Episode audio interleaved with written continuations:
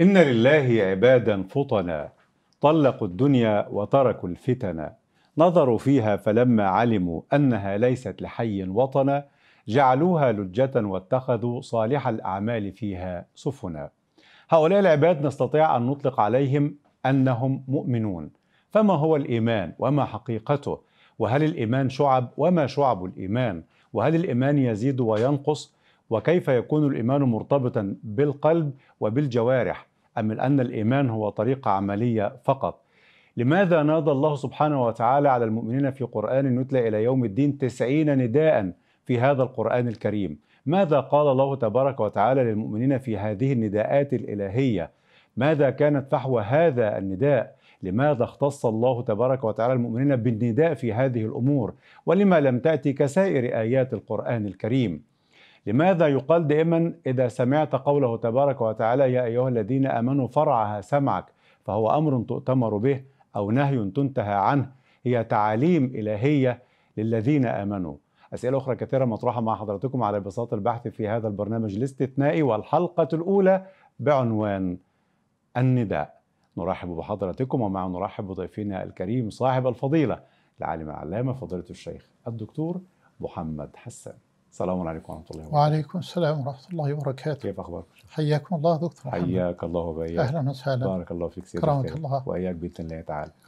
قبل أن ندلف إلى ال- ال- البرنامج آه، يعني النداء الله سبحانه وتعالى الذين آمنوا تسعين نداء بالقرآن الكريم فضلتك شخصيا وأنت تقرأ في في القرآن الكريم في خلواتك حينما تصل إلى يا أيها الذين آمنوا ما الذي يعتري خلجاتك وقتها؟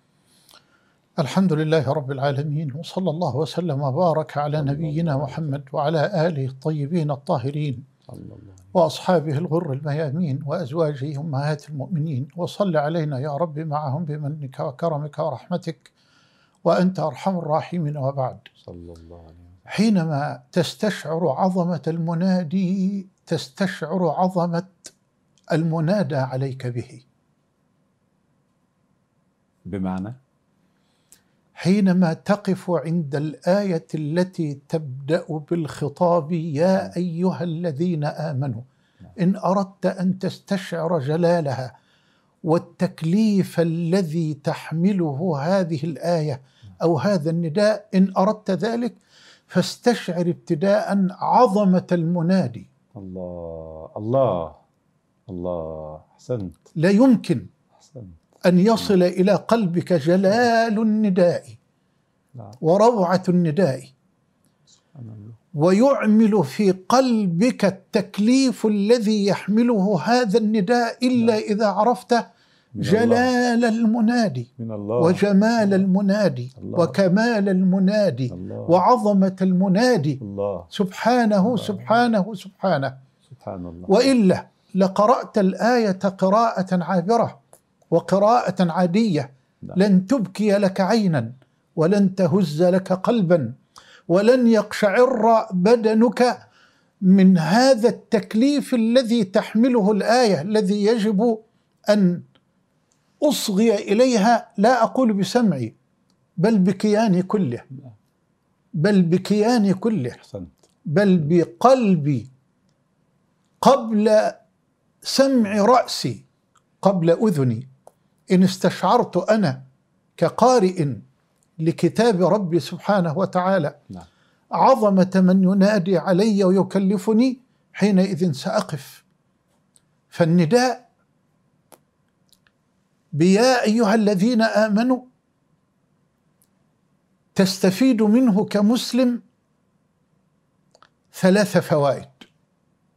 الأولى؟ الأولى أن تعلم أن الله جل وعلا حين يقول يا أيها الذين آمنوا إنما يريد أن يثير انتباهك واهتمامك. نعم ثم الثانية لتعلم أن مقتضى الخطاب من مقتضيات الإيمان. يعني ماذا مقتضى الخطاب؟ يا أيها الذين آمنوا لا تأكلوا الربا أضعافا مضاعفة مثلا. هذا تمام. مقتضى الخطاب. مم. النهي ده. النهي. نعم. فتعلم أن مقتضى الخطاب من مقتضى الإيمان. أحسنت. هذه. نقطة في غاية تمام الأهمية. جدا تمام. ثم الثالثة وهي في غاية الخطورة أن تعلم أن الإخلال بهذا المقتضى الذي أمرت به في النداء إنما هو سبب لنقص الإيمان. الله أكبر. موضوع جلل خطير. خطير جدا. الله أكبر. فإن لم أمتثل هذا الأمر أو أجتنب النهي. هذا النهي. نعم. أو أقف عند هذا الحد. فهذا دليل قاطع على نقص إيماني يا لطيف يا لطيف. أما إن امتثلت فهذا دليل قاطع على تحقق إيماني. وإذا انتبهت فهذا دليل قاطع على إجلال لمن نادى علي جل جلاله. سبحان الله. بارك الله فيك وأحسن الله عليك. قبل أن نناقش هذه النداءات وهي 90 نداء سنأتي عليها بإذن الله تبارك وتعالى في تضعيف حلقات هذا البرنامج، يطيب لي إذا أذنت لنا بداية أن نؤصل الإيمان نعم حيث إن الآيات ستبدأ بيا أيها الذين آمنوا فما هو الإيمان لغة واصطلاحا؟ أحسنت وأنا أحب هذا التأصيل العلمي باركت لبرنامج بهذا الجلال نعم. وبهذا الجمال وبهذا القدر لأننا سنغوص سويا كعادتنا. بحول الله تعالى. في بحر مليء بالجواهر واللآلئ والدرر. نعم. وسنقف سويا في محراب مهيب جليل. وسنطوف وسنطوف في بستان يانع ماتع. ألا هو بستان القرآن. وما أحوج. الأمة نعم. الآن إلى قرآن. نعم. فجميل أن نستهل النداء من الله جل وعلا. لأهل الإيمان بتحقيق وتأصيل والتعريف بالإيمان. الإيمان لغة كما قال ابن فارس في معجم مقاييس اللغة الهمزة والميم والنون أصلان متقاربان أحدهما بمعنى الأمانة التي هي ضد الخيانة والآخر بمعنى التصديق ومنه قوله تعالى وما أنت بمؤمن لنا ولو كنا صادقين. تمام ممتاز. بمعنى الأمانة؟ بمعنى الأمانة؟ وبمعنى التصديق. وبمعنى التصديق. لكن شيخ الإسلام آه. له رأي آخر. وهو؟ وهو جميل. يقول بل إن الإيمان مشتق من الأمن. الأمن. نعم. انظر إلى هذه اللفتة البارعة. الرائعة. ضد الخوف يعني؟ نعم الله. الإيمان مشتق من الأمن. قال الذي هو القرار والطمأنينة وهذا لا يحصل إلا إذا استقر في القلب التصديق والانقياد كلام أغلى من. الذهب. جدا جدا مرة ثانية حتى آه. نستمتع يعني. قال الإيمان أيوة مشتق من من الأمن الأمن تمام الذي هو القرار والطمأنينة هذا هو الأمن. الذي هو القرار والطمأنينة. نعم. وهذا لا يحصل إلا إذا استقر في القلب التصديق والانقياد لأن التصديق وحده لا يكفي, في مم. نحن إن عرفنا الإيمان لغة بأنه التصديق لغة لكن التصديق وحده لا يكفي. ألم يصدق أبو طالب رسول الله صلى الله عليه وسلم؟ بلى صدق. بلى. صدق. صدقه. نعم. بل ونافح عنه. صحيح. لكن بل وكان حائط صد منيع لطالما تحطمت صحيح. عليه سيوف. ورماح نعم. أهل الشرك م. في مكة. لكن ونسج- لم له. نعم لكن لم يحقق له هذا التصديق الإيمان بالله وبرسوله. بدليل أنه صلى الله عليه وسلم ذهب إليه وهو على فراش الموت. وعنده أبو جهل وعبد الله بن أبي أمية ليقول له يا عم قل قل. لا إله إلا الله. كلمة. أحاج لك بها عند الله يوم القيامة. فقال له الرجلان إلى جواره. أبو جهل. بل على ملة آبائك آه. أترغب عن ملة عبد المطلب. فقال هو بل هو على ملة عبد المطلب. ومات على ذلك. فقال له قوسين فضيلتك هو أشهد أن لا إله إلا الله وأن محمد رسول الله. كده أنا أصبحت مؤمنا؟ القول سنبين الآن أن الإيمان قول واعتقاد وعمل. فالقول وحده لا يكفي. إذا جاءك المنافقون قالوا نشهد إنك لرسول الله. والله نعم. يعلم- أنك لرسول والله يشهد إنهم لكاذبون. الله أحسنت. هم مش صعب. مم. فالإيمان فيه قول. تصديق وانقياد. آه. تصديق وانقياد.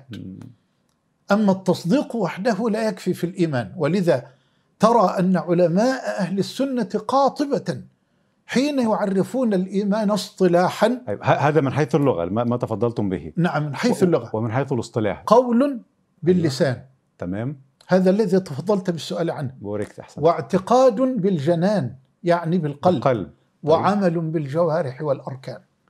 ثلاثة أركان إذا لتحقيق مفهوم الإيمان. لا يتحقق الإيمان عند أهل السنة إلا بها. لو اختل شرط منها. يختل ينقص الإيمان. الله أكبر. ينقص الإيمان ويضعف الإيمان. ولذلك هذه أيضا نقطة مهمة ده جدا. موضوع خطير ده. جدا. ده, ده لا يعني, يعني لا يكفي أن أقول باللسان وأعتقد بالجنان فقط. لا. وربنا رب قلوب يا مولانا. لا بد من العمل. والناس تقول ربنا رب قلوب. النبي صلى الله عليه وسلم صلى الله عليه في وسلم. الرد على هذه الجملة أيوة. يذكر حديثا في صحيح مسلم فيقول بأبي وأمي وروحي صلى الله إن عليه وسلم الله لا ينظر إلى صوركم وأموالكم ولكن ينظر إلى قلوبكم وأعمالكم لم يتوقف عند القلب. لم يقل ولكن انظروا إلى قلوبكم.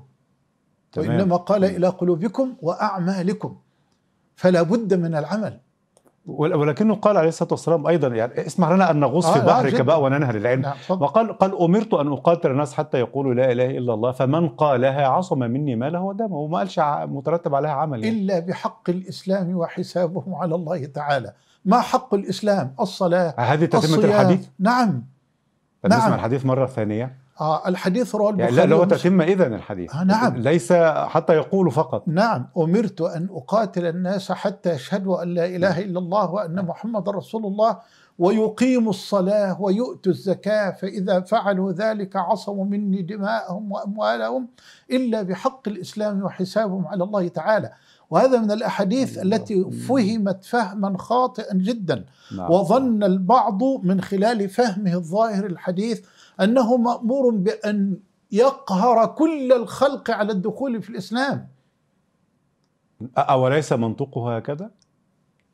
أمرت أن, أن- أقاتل. أن أقاتل الناس. نعم. أن أقاتل الناس. نعم. المفهوم منطوق عام. عام نعم. طيب. كل الناس؟ الله يفتح عليك. هذا هو. أمرت أن أقاتل الناس. يخرج من لفظة الناس لزاما. من حقق الإيمان والتوحيد. صحيح. ويخرج من لفظة الناس لزاما. المعاهدون. والذميون. تمام. والذميون. تمام. والمستأمنون. تمام. ولا يبقى إلا المحارب المشرك. تحديدا. تحديدا. بل في. رواية النسائي بسند صحيح. أيوة. أمرت أن أقاتل المشركين. الله أكبر. هذه دامغة. وأكد على هذا المعنى شيخ الإسلام ابن تيمية رحمه الله وغيره. لأن بعض أولادنا طبعا. يظن أنه مكلف من رسول الله صلى الله عليه وسلم بمنطوق هذا الحديث أن يقاتل الخلق كل الخلق لإدخالهم دين الله ولو قهرا. ومن بحرك اللغوي فرق بين أقاتل وأقتل. يقينا. باستخدام الصيغة نفسها. يقينا. المقاتلة صيغة يعني. مفاعلة. تحتاج فعل. إلى مقاتل من يقاتلني. ومن يقاتلني. مم. والمقاتلة لا تقتضي القتل.